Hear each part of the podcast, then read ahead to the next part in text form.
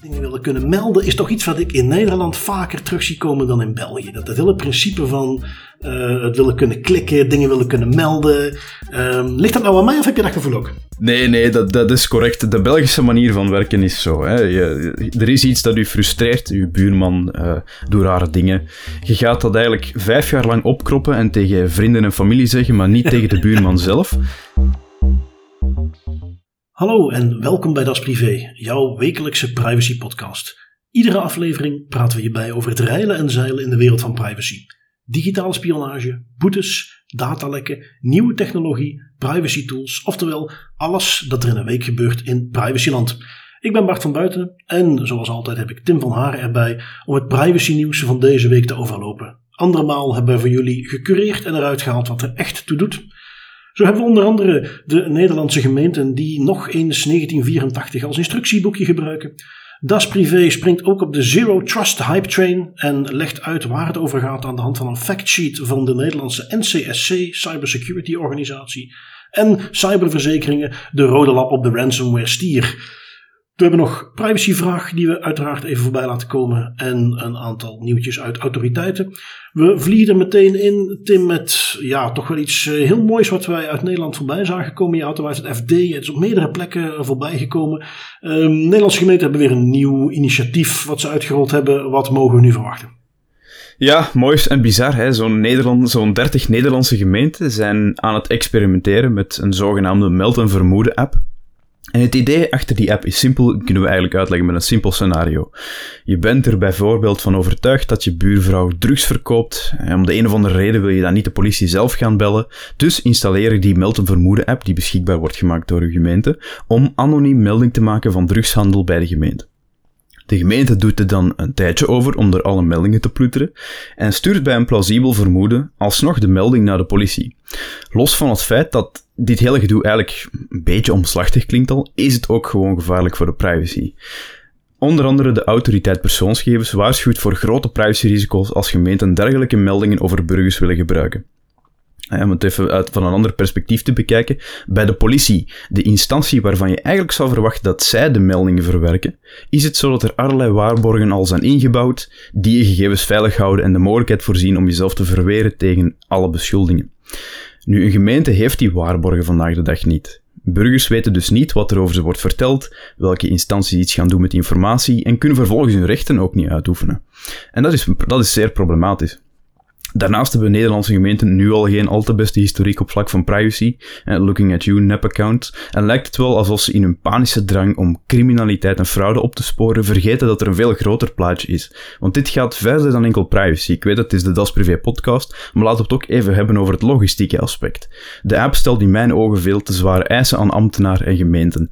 Het feit dat je al die meldingen anoniem kan insturen als burger zonder enige vorm van limiet, betekent ook dat er een hele hoop onzinnige rommel tussen zal zitten inclusief racistische en discriminerende meldingen over mensen die hun buren niet mogen, of die toch maar denken dat die, andere, dat die buitenlander ergens in de straat maar verdachte handelingen aan het doen is, terwijl dat helemaal niet waar is. Beeld je dan even in dat de gemiddelde gemeenteambtenaar, hoe capabel dan ook, binnenkort anonieme vermoedens van burgers mag gaan verwerken en klassificeren, en betrek er dan nog eens privacy bij. Dat is een hele hoop extra werk voor gemeenten. En dat enkel en alleen maar om een vermoeden te verwerken. Dan moet het echte werk nog beginnen. Dan moeten ze daar nog een handeling gaan toepassen op dat vermoeden als het effectief plausibel blijkt te zijn. Wat denk jij daarvan, Bart? Ja, je ziet dat hier uh, mogelijk wel problemen in zitten. Hè? Dat, dat, dat hele idee van zo'n klik-app, daar dat is smeken om misbruik. Uh, uiteraard is het idee, we, we, gaan dat gebruiken om, om, extra meldingen binnen te krijgen van, van uitbuiting en van allerlei andere dingen die fout gaan in onze gemeente. Dat is het idee wat erachter zit. Maar dan, ja goed, ook daar zal niks menselijks de burgers vreemd zijn. Die gaan dat misbruiken voor allerlei andere dingen. Uh, het is iets waarbij je ook ziet, dat is al een, hele tijd uh, gaande. Ik heb, toen ik daar wat op ging zoeken, kwam ik achter een eh, PowerPoint presentatie van de gemeente Reden. Die kennelijk die app al jarenlang gebruikt. Um, of toch in ieder geval in pilootfase heeft gedaan. Dan zie je ook, ook screenshotjes van die app. Je installeert hem, je krijgt dan een logootje te zien van de politie. Dus degene die hem gebruiken denken dat ze effectief iets bij de politie gaan melden. Maar vervolgens, je gaat dan foto's uploaden. Je moet dan aangeven van ja, welke, welk tijdstip is het, wat voor soort um, misbruik, melding wil ik doen. En dan krijg je een drop-down lijst aangeven met adres. Je, dus je fotootjes toevoegen. Kun je eventueel je eigen gegevens toevoegen, maar dat moet niet. En uh, dan is er, lieten ze dan zien, een soort uh, portaal waar de betreffende ambtenaar op inloggen. En dan is er een overzicht van alle meldingen die gedaan zijn. Dus je ziet heel duidelijk dat het de bedoeling is dat inderdaad ambtenaren, mensen van de gemeente, die analyse gaan doen. Um, waarbij op de presentatie die ik van de gemeente Reden terugvond, uh, laten zien dat er een heleboel lagen zijn waar de controle gaat plaatsvinden van zo'n melding. En eerst is het dan een team veiligheid van de gemeente. Dan is het een kerngroep gemeentelijke welzijn die de tweede beoordeling doet. En dan pas gaat naar de politie. Dus je ziet dat er sowieso inderdaad al een hele reeks mensen binnen de gemeente zijn. Nog even los van de, de entiteit achter de meld een vermoeden app waar die gegevens binnenkomen ja, dat is niet waar het voor bedoeld is. Jij zegt het ook al. We hebben een politie waar die, die, die uh, opgeleid zijn, die systemen hebben, processen hebben om om te gaan met aangiftes. Het hele idee dat je zomaar anoniem alles moet kunnen melden. Ja, dat, dat, ik, wil niet gaan vervallen in uh, referenties naar oorlogen waar iedereen elkaar uh, de duivel aan kon doen door ergens een melding te doen. Maar je ziet in allerlei regimes, of het nu bij de Taliban is, uh, ondertussen in Afghanistan waar je meldingen mag doen, of het nu in China is waar je mensen mag aangeven, of het nu wel in de vorige week in de podcast voorbij liet komen in Wit-Rusland is, waar je dan mensen mag aangeven die commentaar hebben op de regering er is ontzettend, uh, nou ja, nee, er is gewoon geen lijn tussen de mensen die met de beste bedoelingen als brave burger uh, uh, willen melden. En tussen een hele groep mensen, die gaan er altijd zijn. Iedereen is wel eens gefrustreerd. Of je gaat altijd mensen hebben die het daarvoor willen gebruiken. Die dus dat gaan gebruiken om valse meldingen te doen. Dat doet me nog even denken, om dan rant nog even af te zetten met een voorbeeldje. Wat ik niet meegenomen heb in de aflevering deze keer, maar dat ging over OnlyFans. Die uh, website, app die je hebt waar mensen content kunnen aanbieden. Uh, tot op heden was het voornamelijk seksueel getinte content. Um, maar iets waar ze dan in het artikeltje ook lieten zien, hoe heel, een heel aantal vrouwen daar ondertussen een, een, een want ja, laten we wel zijn, dat is iets waar vooral vrouwen geld mee kunnen verdienen. Als ik mezelf daarop aanmeld, vrees ik dat ik weinig subscribers ga hebben. Maar waar aardig wat uh, vrouwen hun geld mee konden verdienen. Um, nou, waar ze er dus ook tegenaan lopen, uh, waar ze in het Engels dus een, een term voor hebben, swatting. Uh, in de zin van, uh, er worden SWAT-teams, arrestatieteams opgebeld. Er worden meldingen gedaan, waardoor dus effectief een arrestatieteam bij die mensen binnenstaat. Terwijl er eigenlijk niks aan de hand is. Gewoon om die mensen te stalken, te pesten.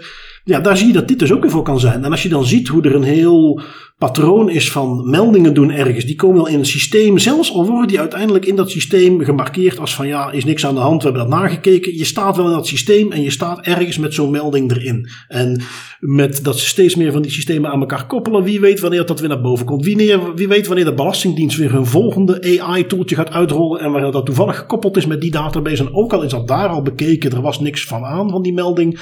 Waar je dan in die andere database toch weer naar boven komt als potentiële fraudeur. Omdat er ergens een vinkje staat Um, ik, ik, laat hem, straks komt hij nog eens een paar keer terug, maar het is, onder andere begin ik het gevoel te krijgen, Tim, dat wij onze podcast moeten gaan hernoemen naar Hellend Vlak. Want het komt werkelijk overal terug. En we hebben het te weinig zie je voorbij komen ja, te weinig zie je voorbij komen. Ik zie nergens in al die berichten die communicatie over wat die app gaat doen, wat die voor bedoeld is. Ik zie daar veel te weinig staan. En we hebben hier overleg gehad met de autoriteit persoonsgegevens en die en die en die waarborgen zijn ingebakken. Nee, in tegendeel, de AP zelf voelde het nodig om een artikel de wereld in te sturen van goh, we hebben hier toch wel wat vraagtekens bij. Met andere woorden, wij zijn hier totaal niet over geïnformeerd. En dat is, en daar komt hier straks deze aflevering en alle andere zowat nog een keer terug. Maar wanneer gaat het nou eens doordringen dat als je dit soort dingen gaat doen, dat op zijn minst als je het wilt doen, dat vanaf de basis er nagedacht moet zijn over privacy, security en potentieel misbruik. En dat mis ik hier gewoon. Ja, en we, kijken, we krijgen ook een glimp achter de schermen van het bedrijf achter die Melton Vermoeden app. Want de CEO heeft ook nog eens een, een, uh, een quote geplaatst in het artikel dat we hebben meegenomen. En die zegt eigenlijk het volgende. Die zegt dat gemeenten meer gegevens mogen verzamelen dan ze denken. En, die, en ik quote nu daar rechtstreeks. De privacyambtenaar zegt vaak dat de wet onduidelijk is. Dat wordt maar geadviseerd om er voor de zekerheid niet aan te beginnen. Nu, kijk, allee, als je die boodschap gaat brengen aan gemeenten hij gaat er eigenlijk voor zorgen dat hij met de vinger wijst naar de privacyambtenaar en zegt, ja, maar die zegt toch maar altijd dat het niet mag en hij weet het eigenlijk zelf niet. Ja, dan gaan die gemeenten dat ook niet serieus nemen en gaan die ook maar wat doen. Dan ben je gewoon met de verkeerde ambtenaren ook aan het praten. De privacywet is er vrij duidelijk in. En dat valt reuze mee. Je moet alleen wel wat gezond boerenverstand gebruiken, goede argumenten kunnen aanhalen waarom dat iets wenselijk is. Niet gewoon waarom het mag, maar ook waarom dat we het willen doen. En alles een beetje netjes op orde houden. En als je die drie dingen doet, dan kom je al heel ver. En dan is de privacywetgeving een van je laatste obstakels om wat te doen wat je ook wilt. Je moet het gewoon wel goed kunnen argumenteren en onderbouwen. En dat, is, dat, dat mis ik hier, want als ik naar het artikel kijk, een van de zaken die ik vooral zie, is dat er heel veel gebabbeld wordt over dat er verschillende meldingen binnenkomen. En dat gaat van mensen die een luxe levensstijl hebben, maar niet, maar dan zo gezegd volgens degene die de melding heeft gestuurd, niet werken. Wat dat echt bizar is om daar een melding over te maken, maar wat. Over mensen die zo gezegd een lege winkel hebben. Allee, maar wat ik mis in het artikel is, wat gebeurt er met die meldingen? Al die meldingen komen binnen en dat is allemaal leuk dat die binnenkomen, maar wat gebeurt er uiteindelijk mee? Wat is de end goal? Waar gaan we naartoe? En daar wordt niet over gepraat, Nou. omdat ze het waarschijnlijk ook niet kunnen zeggen. Ik kan je daar wel een voorbeeldje geven. Ik heb in een grijs verleden werkte ik als eh, financieel auditor, eh, waarbij ik onder andere bij gemeentes de sociale uitkeringsadministratie eh, moest doorlichten. Waar we dus gingen kijken naar dossiers die waren opgesteld. hoe is het proces doorloping om een uitkering toe te kennen? Is dat op de goede manier gebeurd? En eh, dat principe bestaat al jaren. Je kon daar dus anonieme tips indienen bij sommige van die gemeentes. En dat ging bijvoorbeeld inderdaad om dingen van ja, ik weet dat de buurvrouw die eh, zit op een uitkering, maar eigenlijk eh, uitkering voor alleenstaande, maar ondertussen woont ze al samen met haar vriendje, want ze is bijna nooit meer thuis. En dan wordt er zo'n melding gedaan en dan komt de sociale inspectie komt controle doen. En inderdaad, dat wordt dan, dan wordt er een paar eh, 10.000 euro uitkering teruggevorderd. Eh, dus dat soort pesterijtjes, dat bestaat al lang. Daar zijn dus ook al genoeg voorbeelden van dat het daarvoor gebruikt gaat worden. En soms gaat dat misschien terecht zijn, maar heel vaak gaat dat ook niet terecht zijn. En wat ik wel denk, maar eh, dan moet jij me maar even corrigeren, Tim. Ehm, dit soort dingetjes, dat soort klik-appjes, dingen willen kunnen melden, is toch iets wat ik in Nederland vaker terug zie komen dan in België. Dat het hele principe van eh, het willen kunnen klikken, dingen willen kunnen melden. Ehm, ligt dat nou aan mij of heb je dat gevoel ook? Nee, nee, dat, dat is correct. De Belgische manier van werken is zo. Hè. Je, er is iets dat u frustreert, uw buurman uh, doet rare dingen. Je gaat dat eigenlijk vijf jaar lang opkroppen en tegen vrienden en familie zeggen, maar niet tegen de buurman zelf.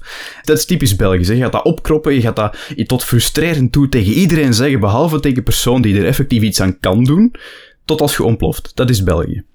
Hmm, dus dat is inderdaad okay. een heel andere aanpak dan Nederland. Wij hebben die klik-app niet nodig, want wij klikken gewoon tegen onze familie, maar we willen niet dat er eigenlijk iets aan verandert. Oké, okay, oké. Okay. Nu goed, uh, ik denk dus dat we uh, voldoende zien wat hier de, de problemen mee kunnen zijn. Um, als bruggetje naar een eentje die we kort nog even de revue laten passeren, waar ook al heel veel in het nieuws is geweest. En, en wat ik ja, wat we eigenlijk niet kunnen negeren, omdat het een heleboel van de dingen die wij vaak aanhalen in de podcast ook nog eens bevestigt. Um, is wat er nu in Afghanistan aan de hand is. Um, los even natuurlijk van uh, de gruwelen rond de oorlog op zich. Um, heeft men een tijd geleden uh, in een poging om, wat men de laatste twintig jaar daar geprobeerd heeft, tot uh, democratie op te dwingen aan de mensen, een centrale overheid en daar alle dingen rond te regelen, wilde men ook met, met ja, in ieder geval ook aan documentatie blijkt de beste bedoelingen mensen gaan helpen om uh, uh, aan digitale identiteitspapier te komen. Uh, om te ondersteunen in de context van emancipatie. nu is het nog vaak zo dat bijvoorbeeld vrouwen geen eigen paspoort hebben en daardoor onderdrukt kunnen worden. Dus we gaan die helpen. Er is een systeem opgezet om op grote schaal dat soort dingen digitaal uit te kunnen rollen. Om het ook te gaan koppelen aan niet zozeer een papiertje, maar aan een vingerafdruk. Uh, en in die context zijn er dus ontzettend veel gegevens verzameld en zijn in een centraal systeem gezet. Um, en ja, je voelt hem natuurlijk al komen. Nu zitten we in een context waarin uh, datzelfde systeem, wat bedoeld was om mensen meer rechten te geven en te helpen aan onderdrukking te ontkomen, nu omgekeerd gebruikt kan worden om diezelfde onderdrukking wat uh, extra op te gaan leggen. Want de Taliban hebben nu een kant-en-klare database, inclusief vingerafdrukken, waar ze kunnen gaan uithalen wie heeft waar gezeten, waar, hebben, waar komen ze vandaan, wat is het laatste adres wat geregistreerd is, met welke andere mensen hebben ze contact gehad eventueel. Dus ze hebben op een presenteerblaadje een systeem gekregen waarmee ze mensen kunnen gaan opsporen.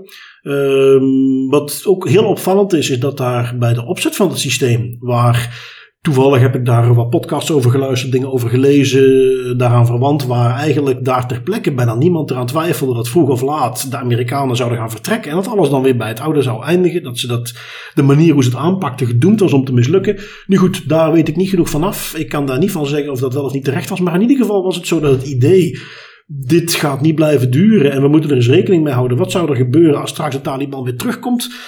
Dat had toch wel meegenomen mogen worden bij dit soort systemen die opgezet zijn. Is dus niet gebeurd. Uh, wat ik daar interessant aan vond. je weet wellicht nog, we hebben een, een, maandje of twee geleden, dacht ik, met Frank Robbe een uh, Das Privé ja, ik was er al aan het denken. Die gaf daar nog een hele interessante mee, dat zelfs bij ons, waar het dat toch nog, mogen we rustig zeggen, iets minder waarschijnlijk is, maar toen in 1990 de Kruispuntbank Sociale Zekerheid is opgezet, waar heel veel potentiële verbindingen zaten tussen databases, waar ook zelf veel gegevens in opgeslagen zitten, Artikeltje 29 in die wetgeving zegt nog: in de tijd van bezetting moet uh, ervoor gezorgd worden dat wij verantwoordelijkheden hebben toegewezen aan mensen die ervoor zorgen dat wij al deze dingen kunnen vernietigen. Uh, vanwege het potentiële gevaar. Dus dat concept is niet nieuw en dat is iets wat er hier dus helemaal niet gebeurd is en wat dus. Ja, um, als we dan. Oké, we zitten in een andere context in, maar als je dan denkt over het verzamelen van vingerafdrukken, biometrische systemen, uh, zeker in die contexten, daar zijn dit dus dingen. privacy by design, zelfs in oorlogstijd, zeg maar. Ja, ja, ik was er meteen ook aan aan het denken aan dat discours, want ik vond dat een van de meest interessante punten die daar werd aangehaald. En het, het onderstreept nog maar eens hoe belangrijk dat is om daar ook over na te denken. Ook in het meest onwaarschijnlijke geval. Ik bedoel, ik hoop dat we het nooit meer gaan meemaken dat België nog eens in een oorlog terechtkomt en dat wij bezet worden. Maar ja, ik vind dat gewoon interessant dat daar ook over wordt nagedacht. Van kijk, als dat effectief een, bezetting gebeurt in België, dan moet er een mogelijkheid zijn om die gegevens te verwijderen, omdat wij gewoon ook erkennen dat die gegevens veel te gevoelig zijn. En dat is, ja, triestig om te zien dat dat daar in Afghanistan niet is gebeurd, want ja, nu zeker met de Taliban, die kunnen wel eens een klopjacht, klopjacht gaan organiseren op mensen die Amerikaanse sympathieke gevoelens hadden. Hè. Dat, uh, niet kunnen gaan organiseren. Doen ze al, hè? Dat doen, ze, al. ja. Uh, en is trouwens wel, ik dacht dat het Facebook was, hè, ondanks alles wat er over Facebook te bashen is. Die hebben dus al uh, een, een, een, hele eenvoudige functie beschikbaar gemaakt, waarmee je meteen een soort blokkering op alles wat zichtbaar is in Facebook kunt doorvoeren. Waarbij dus nu al geweten is dat de Taliban op basis van lijsten van collaborateurs, die met Amerikanen vertalers en, en mensen die op de ambassade gewerkt hebben en dat soort dingen, uh, ook sociale media gaan afspeuren om daar extra bewijs te vinden. Je zag zo'n foto die overal alle pers haalde, van zo'n beauty salon, waar de foto's van vrouwen op de buitenkant die hun nagels hadden laten doen en die allemaal heel glamorous uitzagen, dat die overschilderd werden door uh, de mensen in de straat, omdat ze niet risico wilden lopen dat er vergeldingsacties zouden komen. Dus de, nou ja, als ze dan eens een keer iets goed doen, mag het ook gezegd worden. Waar Facebook dus acuut, en ik heb dat op zich van een, Twitter of een andere social media nog niet gezien, uh, er meteen functies voorzien werden om uh, zo efficiënt mogelijk dingen te kunnen blokkeren en sociale media aanwezigheden af te dichten. Want dat is dus ook iets waar nu op nagespeurd gaat worden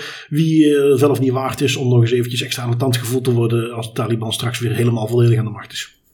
Nee, inderdaad. En uh, dat is zeker, eigenlijk is dat een knop die ze voor iedereen beschikbaar zouden mogen maken. En niet alleen voor, voor mensen die nu in Afghanistan zitten. Want wat ik ervan gelezen had, was het eigenlijk gewoon de privacy-instellingen van uw, van uw Google-profiel uh, op, de, op de maximale settings zetten. Met één knop. Dus er werd voor de rest niks speciaals gedaan. Dat was puur gewoon de privacy-settings die al ingebouwd zijn in privacy, die nu op de max worden gezet. Op Oké, okay, dat, dat, zou kunnen, want ik heb het niet nauwkeurig genoeg uitgespit. Uh, het zou me niet verbazen als dat dan gewoon de functie is. Waarbij, als ik me niet vergis, als je wel die functies doet en dat is uiteindelijk wat je wil bereiken, het er wel voor zorgt dat er bijvoorbeeld niks meer publiek staat, standaard. Nee, er staat niet, niks meer publiek. Um, dus dat heeft inderdaad, allee, het heeft een zeker een goede impact uh, om die slachtoffers daar te gaan beschermen en om ervoor ja. te zorgen dat niet zomaar mensen gemakkelijk te traceren zijn. Dat wel. Dat moeten we ze wel nageven. Um, iets wat, wat.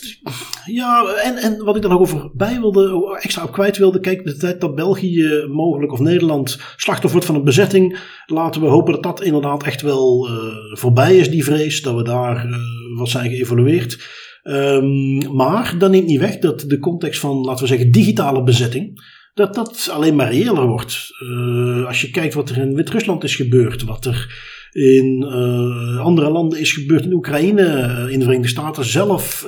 het idee dat je op die manier gepakt wordt, is, is veel minder vreemd, ook hier. En dus als we dat soort systemen hebben, dat daar voldoende beveiliging op voorzien is. En dat men dit meeneemt als potentiële mogelijkheid van ja, wat nu als het misschien niet fysiek is, maar digitaal is. Dat men daar toegang toe krijgt, wat doen we daar dan mee? Dat is iets waar ik hoop dat daar voldoende over nagedacht is, ook bij ons. Uh, het zou eigenlijk interessant zijn om eens te kijken naar andere wetgeving, of dat dat daar ook ergens in staat. En die allemaal te gaan oplijsten, waar dat, dat effectief in acht is genomen. Dan weten we ook meteen wat dat de gevoelige gegevens zijn. Lijkt me iets voor een, een, een uh, rechte student die nu luistert. Interessante materie voor een uh, eindthesis of iets dergelijks. Inderdaad, als je veel vrije tijd hebt, leef je uit. Um, Iets wat, uh, wat dichter bij huis is, uh, maar daarom niet minder oninteressant. Uh, en wat ook te maken heeft met het opzetten van een, een systeem om dingen in kaart te brengen, om, om zwarte lijsten bij te houden, dat is waar we het hier over hebben. Um, de autoriteit persoonsgegevens, in tegenstelling, want ik ken dat principe niet in België. men heeft een soort vergunningensysteem voor het opzetten van bepaalde lijsten. Um, er is een nieuwe voorbij gekomen, ook op de website van de autoriteit persoonsgegevens zelf gepubliceerd. Jij hebt die voor ons uitgezocht, Tim. wat voor zwarte lijst, wat voor systeem is het? Wel, de AP heeft zowat 160 financiële instellingen, Nederlandse financiële instellingen een vergunning gegeven om via het nieuwe protocol incident- en waarschuwingssysteem financiële instellingen of PIFI, PIFI, whatever, persoonsgegevens van fraudeurs te registreren en met elkaar te delen. En het nieuwe protocol bepaalt dat financiële instellingen zelf een lijst met fraudeurs binnen de eigen organisaties mogen bijhouden en in beperkte mate gegevens mogen delen met andere instellingen. Dus als een instelling bijvoorbeeld een nieuwe klant aanneemt, dan mag die instelling bevragen bij andere instellingen of de klant ergens gekend staat als fraudeur. Wat dit nieuwe protocol doet en waarom ik het ook heb meegenomen, wat het voor mij persoonlijk interessant maakt, is wel het, um, het bijhouden van en delen van gegevens over fraudeurs in lijn brengen met de GDPR-wetgeving in een decentrale aanpak. Dus geen centrale databank of zwarte lijst waar alle instellingen in kunnen rommelen. Het protocol legt strikte richtlijnen en beperkingen op aan de houders van de vergunningen en stroomlijnt het hele proces zodat het voor alle partijen duidelijk is wat wel en niet kan. En dat vind ik altijd netjes als dat gebeurt. Er is een, noodzaak om iets te doen, er wordt naar gekeken wat we kunnen doen om dat veiliger en beter te maken en er wordt een protocol rondgeschreven waar al die instellingen zich gaan houden. Ik vind dat een heel mooi voorbeeld van de betrokken partijen die effectief samenwerken om het geheel netjes te houden. Je hebt de financiële instellingen die via het protocol de noodzakelijkheid van aanvragen of te ontvangen informatie evalueren voor ze te verwerken. En je hebt de AP die, ja, shocker, toezicht houdt en vergunningen uitgeeft of zelfs intrekt als het protocol geschonden wordt. Dus dat vind ik, ik vind dat een heel cool voorbeeld van de AP die daar heel netjes werk levert en dat echt allemaal stroomlijnt. Ja, het doet me denken, want eh, met daar kan nu nog eens over nadenken. Ik heb al wel zo'n systeem, ook in België is ik het tegengekomen. Maar iets minder het, het, formele context, dat er ook uh, vergunning voor moet worden gegeven door uh, wat dan toen de privacycommissie was, nu de GBA. Maar ik ben het systeem al wel eens tegengekomen. Dat was in de verzekeringswereld, uh, waar men dan ook gastverzekeraars onderling, dan geloof ik over autoverzekeringen, effectief zo'n lijst had aangelegd, daar een heel proces rond had geschreven. Um, om mm -hmm. bijvoorbeeld dat mensen geïnformeerd werden als ze op zo'n lijst terechtkwamen. Dat ze ook de mogelijkheid hadden om binnen een bepaalde tijd daar bezwaar tegen aan te tekenen. Of in ieder geval te vragen om daar, en eigenlijk iets wat standaard ook al moest gebeuren, om er aan een bepaalde tijd ook van verwijderd te worden. Als er geen nieuwe feiten waren, dat je niet de rest van je leven op zo'n zwarte lijst stond. Dus daar, ook al was het dan geen protocol, geen vergunningensysteem, het hele principe van oké, we moeten daar een manier van werken rond hebben. Daar moeten we duidelijke waarborgen inbouwen. Uh, wat bestond daar wel? En dat is iets, ik weet niet of jij dat hier hebt gezien. Ik had het niet meteen voorbij zien komen, maar uh, goed, het is 30 pagina's protocol. Uh, of ook die, bijvoorbeeld die melding aan de betrokkenen zelf daarin begrepen zit. Dat iemand van op de hoogte wordt gebracht, let op, je staat op een zwarte lijst. Dat heb ik niet gezien. Ik weet wel dat er al een, een soort systeem was voorgaand aan dit protocol dat ook ervoor moest zorgen dat financiële instellingen gegevens kunnen delen over fraudeurs met elkaar. Um, welke instellingen en welke, welke zaken die specifiek nieuw zijn, weet ik niet. Ik heb alleen het artikel gelezen van de AP die zegt, ja kijk, dit is eigenlijk een protocol dat de, de voorgaande handelingen in lijn moet brengen met de huidige wetgevingen, namelijk specifiek dan de GDPR-wetgeving. Dus ze hebben gekeken naar het vroegere protocol, dat aangepast, een update gegeven en ervoor gezorgd dat het allemaal uh, terug meer in lijn ligt met, met wat we verwachten van een goede privacy-aanpak. Ik vind het ook wel leuk dat het AP in het persbericht verwijst naar het belang van die fraudebestrijding. Dat vind ik altijd fijn dat er ook wel effectief wordt onderstreept van kijk, er is een effectieve noodzaak om dit te gaan doen. En ook de fouten die in het verleden zijn gemaakt met bijvoorbeeld de toeslagenaffaire in Nederland, waarbij mensen op de verkeerde lijst terechtkwamen met alle gevolgen van die. Dus erkennen dat er een noodzaak is, beseffen dat de aanpak voor verbetering vatbaar is en gaan dat dan ook effectief in een duidelijk protocol vormgeven. Dan heb ik alvast een aanrader natuurlijk voor hun volgende doelwit. Nederlandse gemeenten die 1984 als instructieboekje lezen, mogen ze ook altijd eens gaan uitleven, want ik denk dat daar een van de, problemen, van de zaken is die zorgt voor de problematiek momenteel um, dat het vooral komt om dat de Nederlandse gemeenten eigenlijk niet weten wat dat mag en wat dat niet mag. En dan maar een beetje wat doen, wat dat ze kunnen doen en willen doen. het doet me denken, en dat is iets wat ook hier gebeurd is rond dat vergunningenproces. Er is een Data Protection Impact Assessment uitgevoerd. Ze hebben daar een analyse op laten doen, hè, wat de risico's zijn, hoe moeten we dit goed opzetten. Ehm, voor eh, onze Nederlandse luisteraars, het kan misschien interessant zijn om eerst bij een betreffende gemeente een aanvraag uh, WOP, een WOPje in te dienen, wet openbaarheid bestuur, om eens te vragen welke DPIA hebben jullie uitgevoerd en mag ik daar eens een afschrift van krijgen. Op die, die vorige die we net zagen, meld, meld een misstand of meld een vermoeden. Um, even zien, um, we gaan weer wat verder van huis. We hebben vaak als we kijken naar surveillance, overtredingen, uh, schendingen van mensenrechten, komen we heel vaak bij China uit. Um, maar het kan in die zin ook bij een van de buurlanden, namelijk India. ik zag daar wat dingen voorbij komen wat oorspronkelijk heel goed begonnen was. Je, je weet misschien wat dat nu weer wat gaan liggen, zoals dat vaak gaat met dat soort dingen. Maar een aantal jaren geleden, ik geloof ook na een aantal mishandelingszaken of, of, of verkrachtingszaken, maar was er ineens heel veel aandacht voor uh, vrouwenrechten in, in India. En, en leek er daar echt iets op gang te komen van, ja, we moeten hier nu iets mee gaan doen. Waar in ieder geval in mijn beperkte westerse blik destijds is blijven hangen. Van god, is toch wel erg vrouwonvriendelijk daar. Dat is iets wat toen eventjes heel erg in de publiciteit zat. Nou, daar zijn initiatieven rondgenomen. Um, men heeft daar vanuit de overheid uh, projecten gelanceerd. Je kon daar een stadssubsidie voor aanvragen. Je kon een aantal dingen laten doen. En degene die nu wat bij mij uh, de revue passeerde in, mijn Twitter timeline, waar ik wat over ben gaan lezen, uh, waren initiatieven uit de stad Lucknow. Lucknow is gelegen in de Uttar Pradesh staat. Uh, mij uiteraard ook niet eerder bekend, maar uh, je kunt hem uh, wellicht onthouden omdat de Taj Mahal daar gevestigd is. En um, ja, wat wij nog wel eens vergeten hier in Europa is op het moment dat wij het hebben over een grote stad, ja, dan heb je Londen, Parijs en, en dat zijn dan de grote steden. Maar bij ons in België of in Nederland, ja, een stad met een miljoen inwoners, dat is zowat de grootste stad van het land. Um, in India, China ook natuurlijk, maar dus nu in India, ja, je hebt ontzettend veel van dat soort steden. En Lucknow is een stad met toch 3,5 miljoen inwoners. En waarbij dus als ze bepaalde dingen gaan doen, dat dat best wel een behoorlijke impact heeft. Dat is al heel grootschalig. En degene waar ik uh, dus naar ging kijken, is iets wat begon om vrouwenvriendelijkheid aan te pakken. Uh, allerlei projecten die daarvoor opgezet werden. Dat begon met uh, pink patrols, pink toilets, pink booths. Dat, ja, de term pink wil dus insinueren vrouwvriendelijk. Um, foto's gezien van uh, een rits uh, vrouwelijke politieagenten op roze scootertjes met roze helmpjes die dan de Pink Patrol gingen doen. Die gingen dus specifiek uh, patrouilleren. Als jij als vrouw iets had meegemaakt, dan kon je naar een speciale Pink Booth. Dat waren dan roze gebouwtjes, bemand door alleen maar vrouwelijke politieagenten, waar je dan je verhaal kon gaan vertellen en waar de aangifte opgenomen kon worden. je hebt daar speciale publieke toiletten, ook weer hele roze gebouwtjes specifiek voor vrouwen. Um, in coronatijden hebben ze daar speciale roze vaccinatiegebouwtjes waar je vaccinatie kunt laten zitten. Dus om maar te zeggen, dit is iets wat echt begon vanuit het idee, we moeten die vrouwenvriendelijkheid aan gaan pakken. Of dat dan dat herleidt tot alles pink helemaal gepast is. Ja, dat is ook iets wat misschien een beetje meer aan cultuur gekoppeld is. Bij ons zou dat al heel snel gezien worden van ja, maar gaan we nu alles herleiden tot een roze kleurtje? Wat is dit voor uh, onzin en, en, en fake emancipatie? Maar misschien dat in de context van een cultuur waarin dingen zoals Bollywood bestaan, dat dat wel weer heel erg gepast is. Ik weet het niet. Los daarvan, dat is de insteek. Um, men is dan ook wat gaan koppelen aan smart city projecten. opnieuw, als je met dat soort steden te maken hebt, waar je in je land tientallen steden hebt met meer dan miljoenen mensen, dan is zoiets als efficiënt omgaan met resources, smart cities doen, is iets wat heel belangrijk wordt. Dus dat zijn ook meerdere projecten die daar zijn gaan lopen. En waar kom ik nou uiteindelijk op uit? Dat dus al die mooie projecten oorspronkelijk bedoeld om vrouwenvriendelijkheid aan te pakken, tegelijkertijd de Smart City bedoeld om naar efficiency te gaan.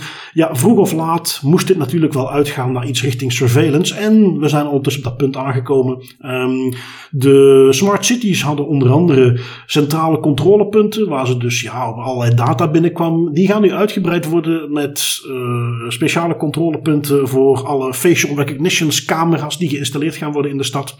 Die niet alleen gezichtsherkenning kunnen gaan doen op potentiële overtreders, maar die ook uitgerust gaan worden met AI-technologie, die uh, herkenningen gaat uitvoeren van emoties van vrouwen. Die dus gaat herkennen van, ah, deze vrouw die ziet eruit alsof ze uh, onder stress staat. En dan gaat er een melding bij de politie komen en die kunnen er afgaan. Uh, op dezelfde manier moet die AI ook patronen kunnen gaan herkennen. Als een man te lang blijft hangen bij die pink booths uh, of die pink toilets, dan is dat verdacht.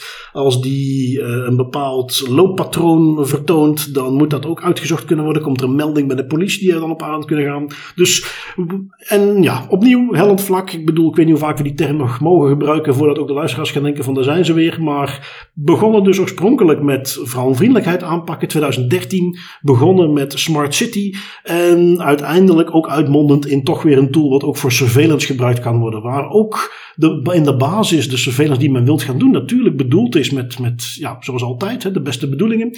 Maar waar de risico's om dat vervolgens uh, uit te gaan breiden. Uh, vandaag is het om vrouwenvriendelijkheid tegen te gaan. Misschien is het morgen uh, tegen homofilie. wie weet wat het dan vervolgens kan zijn. Het is maar net waar de wind uitwaait, politiek gezien.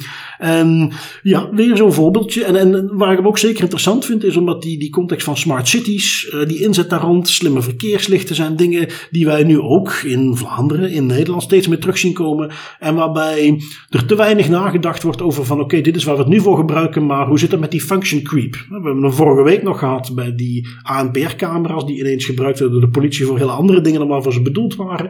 Wel, dat is iets waar we nu eigenlijk in, en dat is waar ik dit topicje ook vandaan haalde, in India als een soort template kunnen zien als we meer gaan kijken naar smart city toepassingen en hoe ook die op termijn weer met function creep misbruikt kunnen worden. Um, Leuk gewoon om te weten, om daar voorbij te zien komen. Ook een warme oproep aan alle DPO's die hierna luisteren. Van kijk, dit zijn dingen die je in DPIA's meteen mee moet nemen. Risico's op dit soort activiteiten. Als jij nu bezig bent met een smart city, neem deze aspecten ook mee. Want liever nu dingen voorzien, maatregelen nemen die voorkomen dat daarvoor gebruikt kan worden, dan over een paar jaar een politieke oorlog uit moeten gaan vechten waar je als DPO tegen het Schepencollege of tegen de minister moet gaan zeggen van ja, maar dat was nooit de bedoeling, want dat ga je verliezen.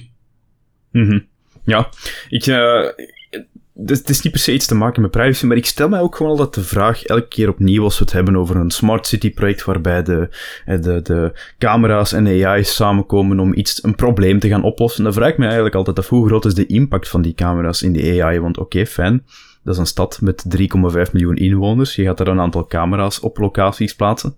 Die, die camera's moeten dan blijkbaar ook kunnen detecteren of er een vrouw in een stressvolle situatie is, of een man verdacht gedrag vertoont. Dat is allemaal goed en wel, dat kost bakken met geld. En ik vraag mij gewoon af, wat, wat is het einddoel? Wat is de impact van die technologie op de problematiek. Hè? Dat, dat er een vrouwonvriendelijke sfeer hangt in die, in die stad. Dat die Pink Patrol, die Pink Toilets, die Pink Boot, dat het allemaal in troos is, dat, is, dat kan ik nog een beetje vaag vinden. Maar dat zijn eigenlijk wel coole initiatieven die het voor vrouwen gemakkelijker maken om met een probleem ergens naartoe te gaan. Dit, los van het feit dat het misschien wat afschrikkend zou werken, gaat het probleem niet oplossen. Dit gaat het enkel het probleem naar regio's duwen waar dat er geen camera's hangen.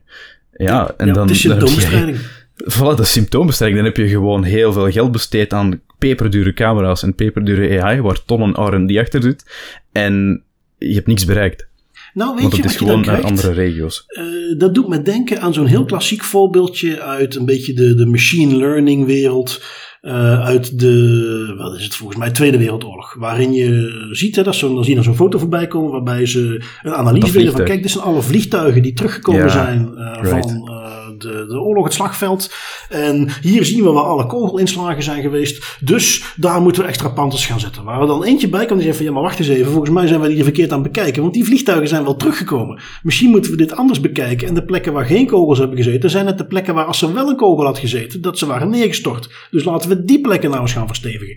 Dat idee zie ik hier ook een beetje terugkomen. Men is, dat zie je ook in de artikels die ik erover las, men is gaan kijken, ja, wat zijn hotspots waar we veel meldingen krijgen van misbruik. En daar gaan we dan zo'n camera neerzetten. En nog even los van het feit wat jij zeer terecht aanhaalt, vind ik dat dit niet de kern van het probleem aanpast. Want dat, je lost dat niet op met gewoon er een camera neer te zetten. Want er is kennelijk toch ergens een, een, niet alleen in India, maar overal een bepaald cultuurprobleem. Um, maar wat je inderdaad gaat krijgen, oké, dan staat daar zo'n camera, want dat was dan een hotspot. Ja, oké, goed, dan verschuiven we die hotspot, hè, want dan uh, gaat het wel gewoon ergens anders heen. Dus ja, het is gewoon uh, opnieuw leuk voorbeeldje om te zien uh, ja, wat, de gevaren zijn aan de inzet hiervan. En, en om af en toe nog eens over na te denken hoe dat beter aangepakt had kunnen worden. Um, we schuiven weer even wat dichter bij huis terug. We hebben, um, uh, ik zag iets voorbij komen van het Nederlandse NCSC. het uh, Nationaal Cybersecurity Center in Nederland, wat ik een, ja, een organisatie is die ik vaak volg, waar ik vind dat die met heel goed materiaal komen. En ze hebben dus een nieuwe factsheet uitgebracht. Zo noemen zij dat. Dat zijn met een, redelijk toegankelijk documentje komen over een onderwerp, een factsheet. Dit keer rond Zero Trust. Um, misschien, uh, Tim, uh, ook altijd even interessant. Als jij denkt aan Zero Trust, wat, wat, wat, betekent dat voor jou? Het is een beetje een buzzword geworden, maar als jij hoort Zero Trust in beveiligingscontext, wat is dat? Ja, Zero Trust in een beveiligingscontext voor mij is eigenlijk een, uw systemen en uw architectuur op zo'n manier bouwen dat je, niet meer gaat, dat je niet meer gaat beroepen op het vertrouwen in user accounts of het vertrouwen in leveranciers en vendors om je beveiliging op te bouwen. En dat je er eigenlijk van uitgaat dat intern of externe accounts op eender welk moment gecompromitteerd kunnen worden en dat op basis daarvan je architectuur is opgebouwd. Dus dat je niet meer denkt in de meer klassieke kasteelstructuur. Hè. Je hebt een perimeter en alles daarbuiten is slecht en alles daarbinnen is goed. Maar dat je eerder gaat denken alles daarbinnen kan er ook gecompromitteerd worden en ervoor zorgen dat we aangevallen worden. En dat je eerder in die richting gaat denken. Ja, nou, even voor de luisteraar. Dit is niet een 1 2 tussen mij en Tim. Ik overval hem echt iedere keer met dit soort vragen. Dus dit schudt hij nu weer uit zijn mouw. Um, maar uh, het is iets wat dus in beveiligingsland eigenlijk al heel lang bekend is. Dat basisprincipe. Je noemde het inderdaad al de, de, de perimeterbeveiliging. Uh, vaak ook wel eens herleid tot inderdaad dat simpele voorbeeld van... Ja, je hebt een kasteel, je hebt een slotgracht... En dus eigenlijk hoeven de poorten van het kasteel, de deuren van de kamers in het kasteel, die hoeven eigenlijk helemaal niet meer beveiligd te zijn. Want ja, we hebben toch slotgracht, mensen kunnen niet binnenkomen. En het idee van ja, maar wat als iemand dan een bruggetje over die slotgracht heen bouwt en ze klimmen over de muren heen? Of wat nu als iemand onder de grond een tunnel graaft en die komt ineens midden in de kasteelplein, komt die naar boven? Ja, als dan alle kamers aan de schatkisten openstaan, als alle slaapkamers niet beveiligd zijn, dan hebben we toch best wel een probleem. Dus misschien moeten we iets verder denken dan puur de buitenkant beveiligen. En dat is waar Zero Trust ook om de hoek komt kijken. Ik vond hem interessant om eens mee te nemen, omdat het, eh, ja, als, als bron is het nuttig. Als in de privacy context kom je natuurlijk ook heel vaak met beveiliging uh, te maken en dan is dit heel nuttig. Maar ook omdat ik merkte dat het weer zo'n buzzword begon te worden, waar ik vaak van zie dat niet iedereen eigenlijk nog wel mee is met wat het nu eigenlijk betekent. En uh, wat ik aan deze factsheet zo goed vond, is dat ze ook een aantal vrij concrete dingen benoemen. Jij noemde er ook al een paar. Um, net ervan uitgaan dat uh, ook alle verbindingen binnen een netwerk die moeten beveiligd zijn. Je kunt niet zeggen van ach, tussen onze applicaties, databases hoeven het allemaal niet beveiligd te zijn. Nee, ook daar binnenin moet die beveiliging er zijn. We gaan naar het bepalen van toegangsrechten van gebruikers. Ja, nee, het is niet omdat iemand nu helemaal ingelogd is als een gebruiker binnen onze organisatie, dat hij dan maar meteen alles moet kunnen, want dan zal het wel goed zijn. Nee, dat is dat klassieke need-to-know principe. Um, in Zero Trust op zich, daar zit dus heel weinig in van nieuwe technologie. Dat is geen fantastische toepassing van AI die Zero Trust inhoudt. Nee, eigenlijk is het gewoon een, een, koppeling van een heleboel gezonde verstand toepassingen in security die we al jarenlang zouden moeten doen, maar nu onder één noemer samengebracht.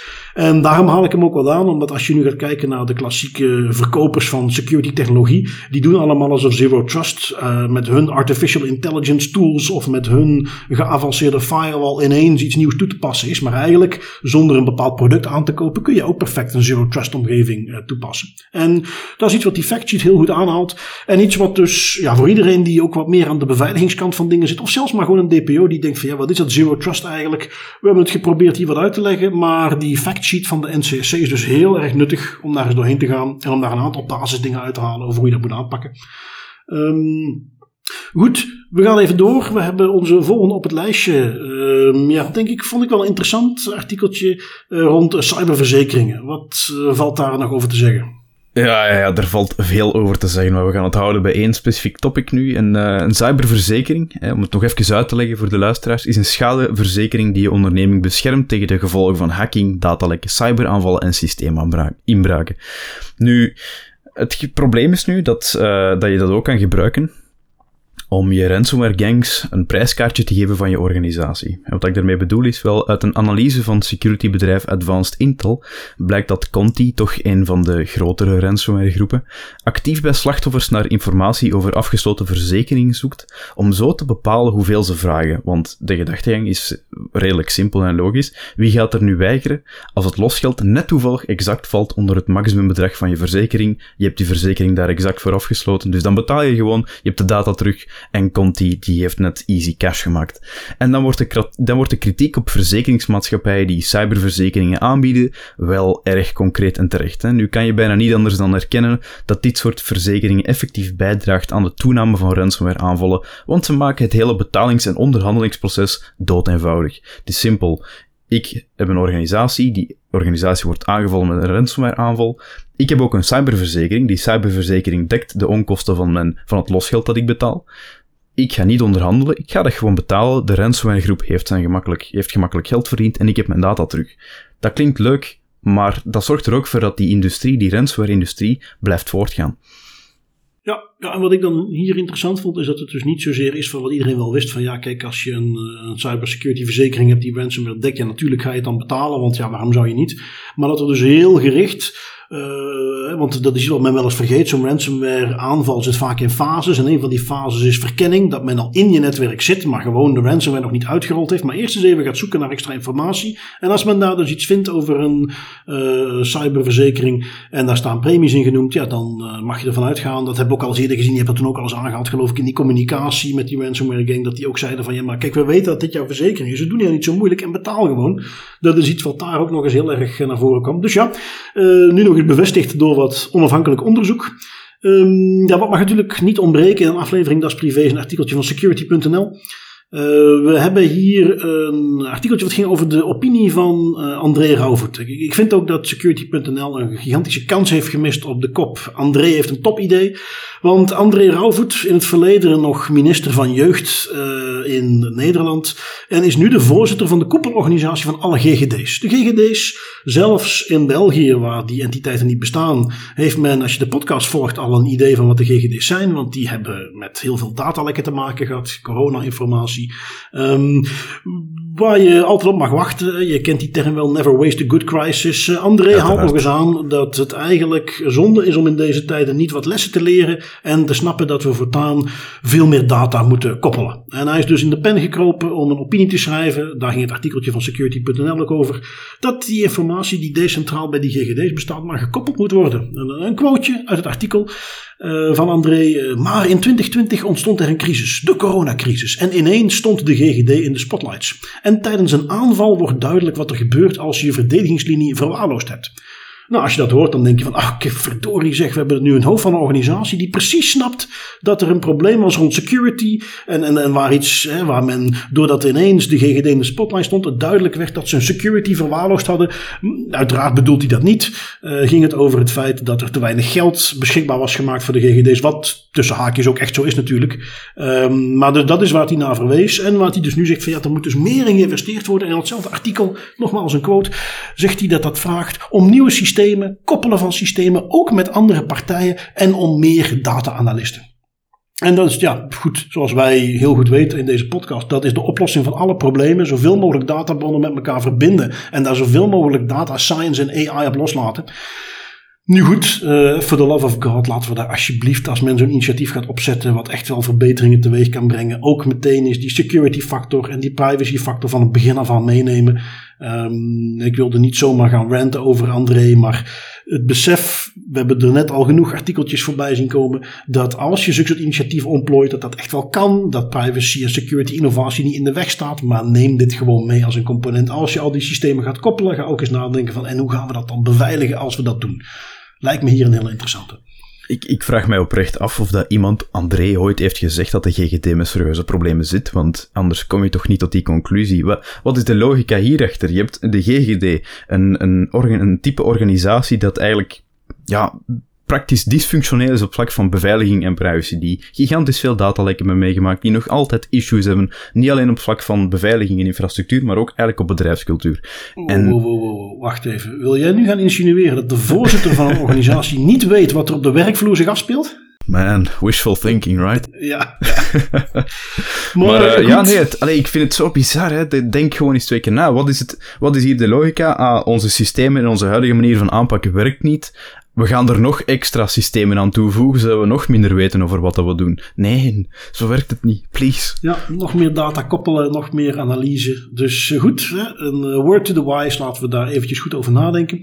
Um, wat hebben we nog meegenomen? Iets wat toch wel iets is wat misschien nog een paar keer voorbij gaat te komen. Want uh, nu wat korter, maar dat, ja, die aankondiging van Apple, wat ze gingen doen met hun technologie om kindermisbruikmateriaal op te sporen, heeft toch wel aardig wat teweeg gebracht. Er is nu heel veel om te doen. En ja, je had er eentje meegenomen, Tim, van de Washington Post, geloof ik. En overigens ook weer security.nl, uh, mm -hmm. met een beetje een follow-up. Ja, ook iets om over na te denken. Hè. Twee onderzoekers van de Princeton University die uiten hun zorgen over Apple's plan om foto's op toestellen van gebruikers te scannen op kindermisbruikmateriaal. Die twee onderzoekers die ontwikkelden een Apple-achtig werkend prototype om kindermisbruik op end-to-end encrypted platformen te detecteren, maar liepen naar eigen zeggen tegen een groot probleem. Hun prototype was eigenlijk te eenvoudig te hergebruiken voor surveillance en censuur. Het ontwerp dat zij hadden gemaakt was niet beperkt tot een specifieke contentcategorie, dus naast kindermisbruik kon je het ook uh, bepaalde politieke meningen of wat dan ook gaan opsporen, zolang je maar een degelijke content matching database had. Wat dus eerst begint, en dat zien we nu ook bij Apple, als het opsporen van kindermisbruik kan onder de juiste hoeveelheid overheidsdruk eigenlijk snel evolueren naar het opsporen van materiaal dat voor een bepaalde overheid onwenselijk is. Zij het over Oeigoeren, Palestijnen, homoseksuelen, pro-democraten of wat dan ook dat voor dat bepaald regime nu eenmaal slecht of onwenselijk is. Apple zet hier een te gevaarlijk precedent, vind ik, zonder garanties te kunnen bieden dat de technologie vijf of tien jaar in de toekomst niet gebruikt wordt voor andere doeleinden. Dat het nu gebruikt wordt voor kindermisbruikmateriaal, dat is allemaal goed en wel, maar zolang er geen garanties zijn dat het enkel toegepast wordt op kindermisbruikmateriaal en niet vatbaar is voor andere toepassingen, vind ik niet dat we die stap moeten gaan wagen. En, en ja, daar gaat Apple de mist in. Ja, en het, het, idee waarbij Apple dan aan ja, maar wij gaan ons niet onder druk laten zetten door de autoriteiten. Wij gaan het altijd doen, hè, dat ze zichzelf een bijna pauselijke status toewijzen. Dat zij verheven zijn boven al die invloeden die ze kunnen hebben en daar nooit aan gaan toegeven. Wel, dat feit dat dat sowieso niet gaat gebeuren, zie je al iets heel kleins. Ik zag een artikeltje voorbij komen op Citizen Lab, waarin ze zeiden van ja, kijk, we hebben hier al een heel klein voorbeeldje van hoe Apple daar uh, mee om kan gaan. Uh, want wat merkten ze? Uh, je hebt, als je bij Apple rechtstreeks bestelt in plaats van bij een Coolblue, ze bieden een, een soort extraatje aan wat je dan krijgt. Je kunt iets laten graveren in je Apple Pen of Apple Watch of wat ik bijvoorbeeld heb gedaan, de AirTag die ik heb besteld bij Apple zelf. Dan kun je daar iets in laten graveren. en ja, hoe werkt dat zoals je mag verwachten? In het bestelproces moet je dan in een veldje invullen wat je wilt laten graveren. En wat blijkt nu? Daar zit al een bepaalde censuur op. Als jij dus in China iets wilt bestellen, dan ga je bijvoorbeeld een term zoals Tianmin, die kun je niet laten graveren op de achterkant van je AirTag. Uh, vreemd genoeg. Um, in Hongkong uh, doen ze nu ook al bepaalde filters. Iets waarbij Citizen Lab van zegt van ja, en, en de dingen die ze eruit halen, dat is op dit moment, oké, okay, het ligt van hand dat gaat gebeuren, maar op dit moment wordt daar niks opgelegd vanuit de Chinese overheid. Heeft Apple zelf besloten dat ze dat gaan doen. Dus het geeft maar aan dat het principe van wat censuur toepassen, iets wat uitbreiden op een manier die nog niet eens wettelijk verplicht is, Apple niet vreemd is. En hoezeer ik ook mm-hmm. eigenlijk best wel Apple-fan ben voor een heleboel dingen. Ik heb ook heel veel Apple-spullen. Dit is nu iets waarbij ik echt serieus ben gaan nadenken van oei, dit, daar wil ik toch even kijken hoe het evolueert. Want, uh, en dat is tot nu toe nog eigenlijk nooit gebeurd, maar dit is iets waar ik zou gaan overwegen om daar al mijn spullen uit te trekken en toch eens ergens anders heen te gaan. Want ja, dit, dit, dit is iets waar ik me toch ook wel enige zorgen om maak en waarbij ik heel erg hoop dat hier binnenkort nog, nog ja, iets in gaat veranderen. Want precies dat, vandaag is het een hashlijst met kindermisbruikmateriaal. Morgen is het China die dezelfde lijst bezorgt met extra materiaal van historische, politieke origine. En een dag later is het in Oeganda alles wat homografisch uh, gekoppeld is aan homofilie, waar men daar nogal anti is, uh, eruit zou gaan halen. En ja, dat is heel moeilijk om daar grenzen te trekken. Dus het, het, is iets waar ik. We gaan die zeker nog een paar keer voorbij laten komen. Want opnieuw vandaag is het mhm. Apple. Maar dat gaat ook, ook nog heel veel andere entiteiten gaan we dat terug zien komen. In Europa zijn er ook wetsvoorstellen. Hoe dit evolueert en waar we heen gaan. Want ik heb me alles zitten bedenken van ja, als dit dan toch door zou gaan. En ik moet alles weer uit gaan trekken. Ja, dan, dan, ja, wat moet ik dan gaan doen? Dan moet ik weer de kant op van uh, een, een, telefoon gaan routen en daar Lineage OS op gaan zetten. Moet ik weer Linux gaan installeren? Dan moet ik, ja, dan gaan we weer. Uh, goed, iets wat misschien nog wel leuk is om podcasts of andere dingen aan te wijden in de Das Privé context. Van als ik echt helemaal off-grid wil, hoe kan ik dat dan gaan doen? Maar het zette me heel erg aan het denken. Ja, ja en het, is een, allee, dat is terecht dat er u aan het denken zit, want in, als Apple dat gaat doen, dan gaan de andere smartphonefabrikanten gewoon volgen. Hè. Die zetten hier een heel gevaarlijk precedent. Als we, dat, allee, als we dat in de toekomst gaan kijken, dat kan snel heel gevaarlijk worden. Het feit dat, dat alle content die op uw smartphone staat, of dat je dat nu wilt of niet, plotseling vatbaar is voor scanning, deze keer op kindermisbruik, volgende keer op noties van homoseksualiteit of wat dan ook, dat is gewoon te gevaarlijk en dat is een grens die absoluut niet overschreden mag worden. Dus ja, ik deel de mening, ik hoop dat daar terecht nog, uh, nog vragen over worden gesteld, die ervoor zorgen dat Apple toch stopt met die plannen, want dat uh, kan niet door de mm. beugel. Opnieuw dat hellend vlak, Ik denk dat het de derde of de vierde keer is dat we het nu aanhalen in de podcast. Um, doet mij ineens ook denken dat we er een Das Privé drinking game van kunnen maken, dat elke keer als een van ons hellend vlak zegt, dat je een shot drinkt. Het zal een, ja, een toffe avond worden. De podcast duurt ongeveer een uur tegenwoordig. Ik denk dat tegen het einde komen dat we de privacy tools misschien niet meer uh, non Vrij zal er niet meer aan toekomen, hè. um, even zien, wat hebben we nog op het programma staan? Ja, natuurlijk een paar datalekken die we nog even kort yes. de revue willen laten passeren. Uh, de eerste komt van jou, Tim, security.nl, een lijst met terreurverdachten. Ja, ja, een Amerikaanse lijst van terreurverdachten, uh, die 1,9 miljoen record stelt, dus dat is toch niet niks, niet niks, stond publiek beschikbaar op het internet. De beveiligingsonderzoeker Bob Diachenko ontdekte de lijst in een onbeveiligde Elasticsearch database die voor iedereen op internet zonder wachtwoord toegankelijk was. Woeps, dat gaat nog een leuke melding aan de betrokkenen opleveren. Na het rapporteren, en dat vind ik heel merkwaardig, duurde het nog wel drie weken voordat het lek af was afgesloten. Dat is eigenlijk vrij lang voor zo'n gigantische lijst met records van terreur terreurverdachte. Misschien had het wel iets te maken met het feit dat de server waar die, die lijst op gehost werd een Bahreins IP-adres had en moesten ze nog helemaal naar daar vliegen om wat kabels uit te trekken. Ik weet het niet. Maar alleszins, ik vind drie weken heel lang. Dat klinkt inderdaad heel erg lang. Um, ook niet de meest ongevoelige gegevens. Uh, nee. Je ziet al, hè, de lijst met Amerikaanse terreurverdachten 1,9 miljoen. Dat is een serieuze lijst. Um, nu, het kan altijd nog beter. Uh, Brian Krebs, Krebs on Security, toch een hele bekende security onderzoeker, journalist, uh, had ik van zijn website een artikeltje. T-Mobile, voor de, duidelijkheid, in Amerika um, heeft een klein datalekje. Het gaat om 40 miljoen huidige of vroegere of prospectieve klanten van T-Mobile. Een datalekje waar onder andere dingen zoals geboortedatum, naam, uh, social security number, gegevens van je rijbewijs, andere identiteitsgegevens dus gelekt zijn. Hoe kwamen ze erachter? Wel, 48 uur nadat T-Mobile er, of voordat T-Mobile er zelf mee kwam, had men op allerlei uh, hacking fora online al gezien dat die gegevens te koop werden aangeboden. Uh, en daarna kwam T-Mobile er zelf pas mee natuurlijk. Uh, dus ja, nog eventjes een, een oepsje bij T-Mobile. Um, ik heb er nog eentje die wat dichter bij huis zit. De gemeente Zoetermeer in Nederland. daar heeft de drukker ook een foutje gemaakt. Uh, als jij een uitkering krijgt, leefloon, dan krijg je net zoals mensen met een baan ook een soort loonstrookje. Dat heet dan hier in wat duurdere termen de uitkeringsspecificatie. Die wordt geprint bij de drukker. En dat is waar het dan hier bij Zoetermeer dus fout ging. Men heeft dat naar de drukker gestuurd die een uh, foutje maakte en per ongeluk de dubbelzijdige print aanzette. Uh, wat betekende dat 169 mensen die aan de ene kant hun eigen uitkeringsspecificatie kregen met daarop dingen zoals naam, adres, woonplaats, burgerservice nummer, cliëntnummer, dossiernummer, de uh, periode van de uitkering, de financiële gegevens zoals bankrekeningnummer. Aan de ene kant vonden identiek dezelfde gegevens van een heel andere persoon ook op de achterkant. Um, dus ja, klein foutje, kennelijk nergens manueel gevalideerd. Uh, maar dus een, een datalekje bij de gemeente Zoetermeer. Um, wat daar dan misschien uit gaat volgen, en dat is het breukje wat we nu even maken, is dat dat een boete gaat krijgen vanuit de autoriteiten. You will respect my authority.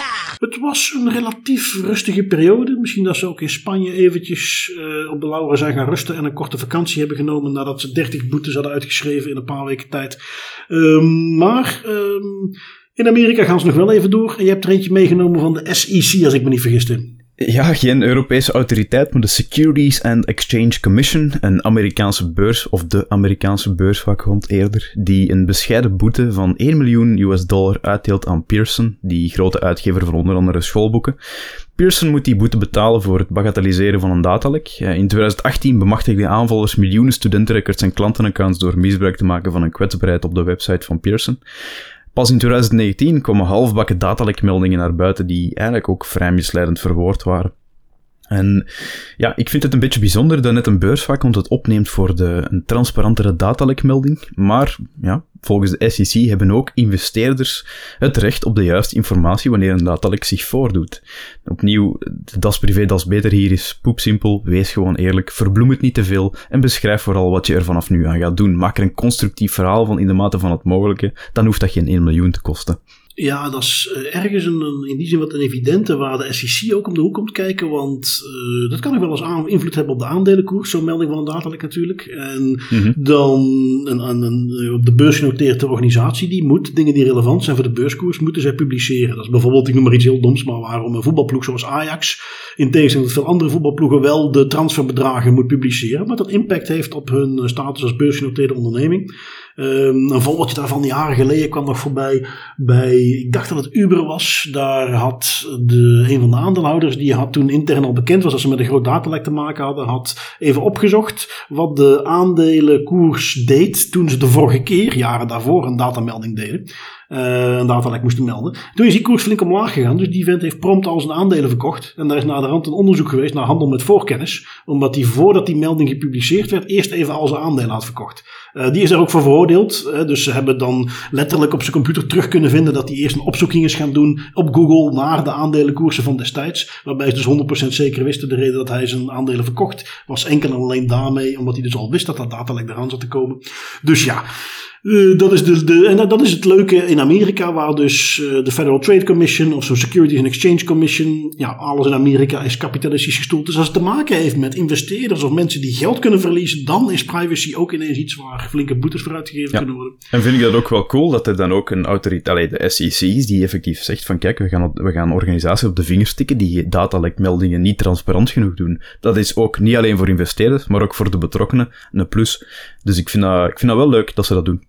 Dus goed dat, dat, dat er weer een extra entiteit is die ermee omgaat. De, het feit dat de hele aanleiding alleen maar is omdat iemand er geld mee kan verliezen omdat er geen datalekmelding moet zijn, is niet helemaal hetzelfde als zeggen wij zijn ervan overtuigd van de, de ethische nood om dit soort dingen te gaan melden. Maar oké, okay, laten we niet altijd kieskeurig zijn.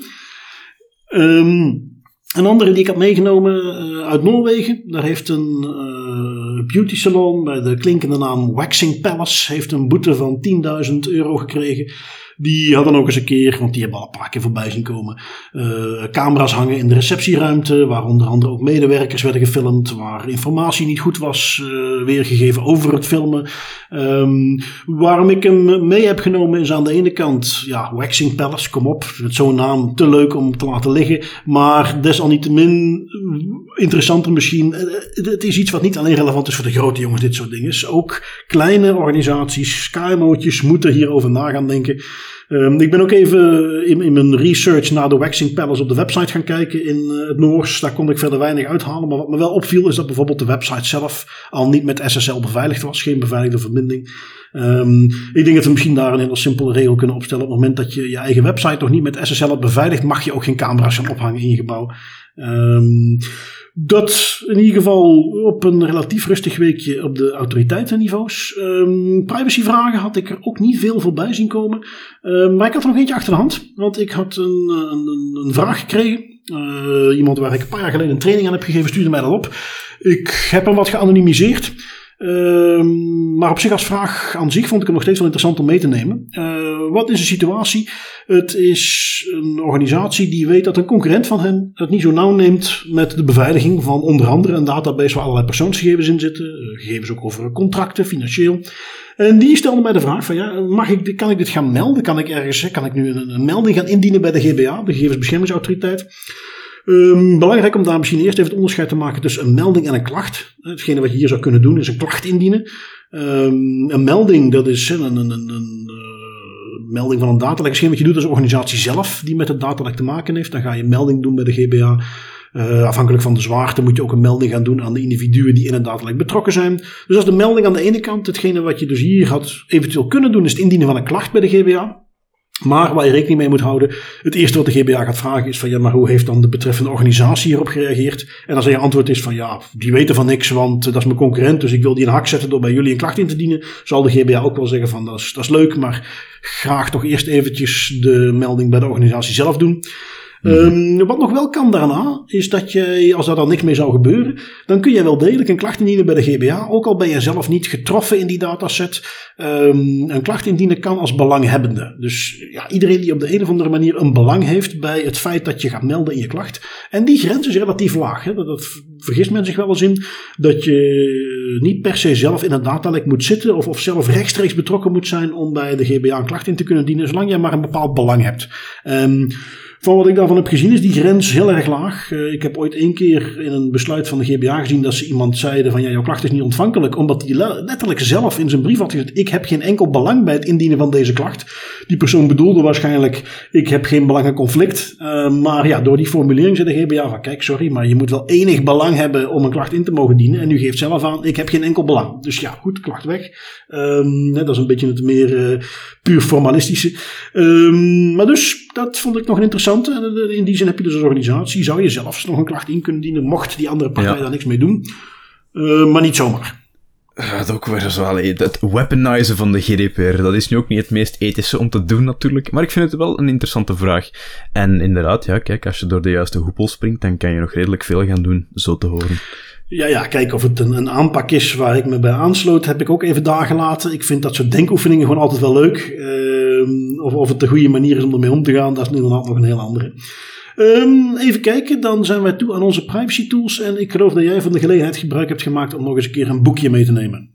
Ja, ja, een boekje. En het is echt een klein boekje. Cryptography, A Very Short Introduction van Fred Piper en Sean Murphy. Het is 142 pagina's lang, leest echt heel snel, pocketformaat, en legt de basisprincipes van encryptie, decryptie en alles ertussen, cryptography eigenlijk als een begrip, uit in een begrijpbare, begrijpbare taal, zonder uit te monden in een snoesfest. Dat is dus ideaal voor iedereen die helemaal niks te maken heeft met cryptography, die afschrikt van de wiskundige berekeningen en dergelijke, en formules, en gewoon in begrijpbare leesbare taal met een aantal praktische voorbeelden wilt weten, wat is dat nu eigenlijk, cryptography? Er wordt constant mee naar mijn hoofd geslingerd, maar wat houdt dat nu eigenlijk in? Wat is goed, wat is slecht?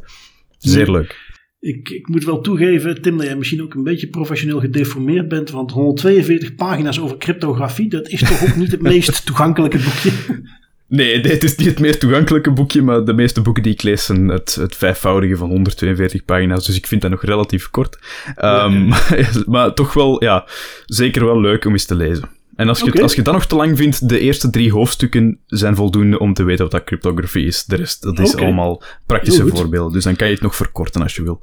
Nou, uh, een mooie gelegenheid om binnenkort eens uh, op de website ons stukje met de boekenlijst uit te gaan breiden. Yes, we hebben ondertussen een paar uur laten passeren en, en, die zijn nog nergens terug te vinden. Dus dat moeten we eens gaan doen. En ik heb er eentje meegenomen die deelde vorige keer ook al, die wel aansluit op een, een, verfijning die we binnenkort ook aan onze DAS Privé Tooltip gaan doen. Dat we meer een splitsing gaan maken tussen dingen voor individuen en voor bedrijven. Um, ik heb het in die zin ook heel dicht bij huis gezocht, want ja, het is misschien heel fundamenteel, heel bazaal, maar heel veel organisaties komen vandaag altijd terecht bij een Google Cloud of een Amazon Web Services als zij hosting zoeken, als zij ergens uh, infrastructuur in de cloud willen hebben. En dat hoeft niet per se. Je moet niet per se terechtkomen bij zo'n Amerikaanse organisatie of op de achtergrond bij organisaties die gebruik maken van Amerikaanse uh, clouds. Um, en dus mijn tip voor deze keer is relatief simpel, is het bedrijf Combel. Uh, zeker geen kleine jongen, uh, een heel groot bedrijf eigenlijk van Belgische oorsprong door een aantal fusies, ook in Europa volgens mij een van de grotere. Um, en die bieden allerlei hostingoplossingen aan, maar op infrastructuur die gehost staat in België of in ieder geval in Europa. En vond ik in die nuttig om eens mee te nemen. Dus denk aan hosting van een website, denk aan databases, denk ook aan virtual private clouds. Dingen die je dus niet per se moet gaan zoeken bij de Amerikaanse providers. Um, Combel wilde ik daarom eventjes de revue laten passeren. Um, ja, cool. dan zijn we er weer voor deze week. Uh, Tim, zoals gebruikelijk, ik dank jou weer voor jouw tijd. Luisteraars, ook jullie bedankt.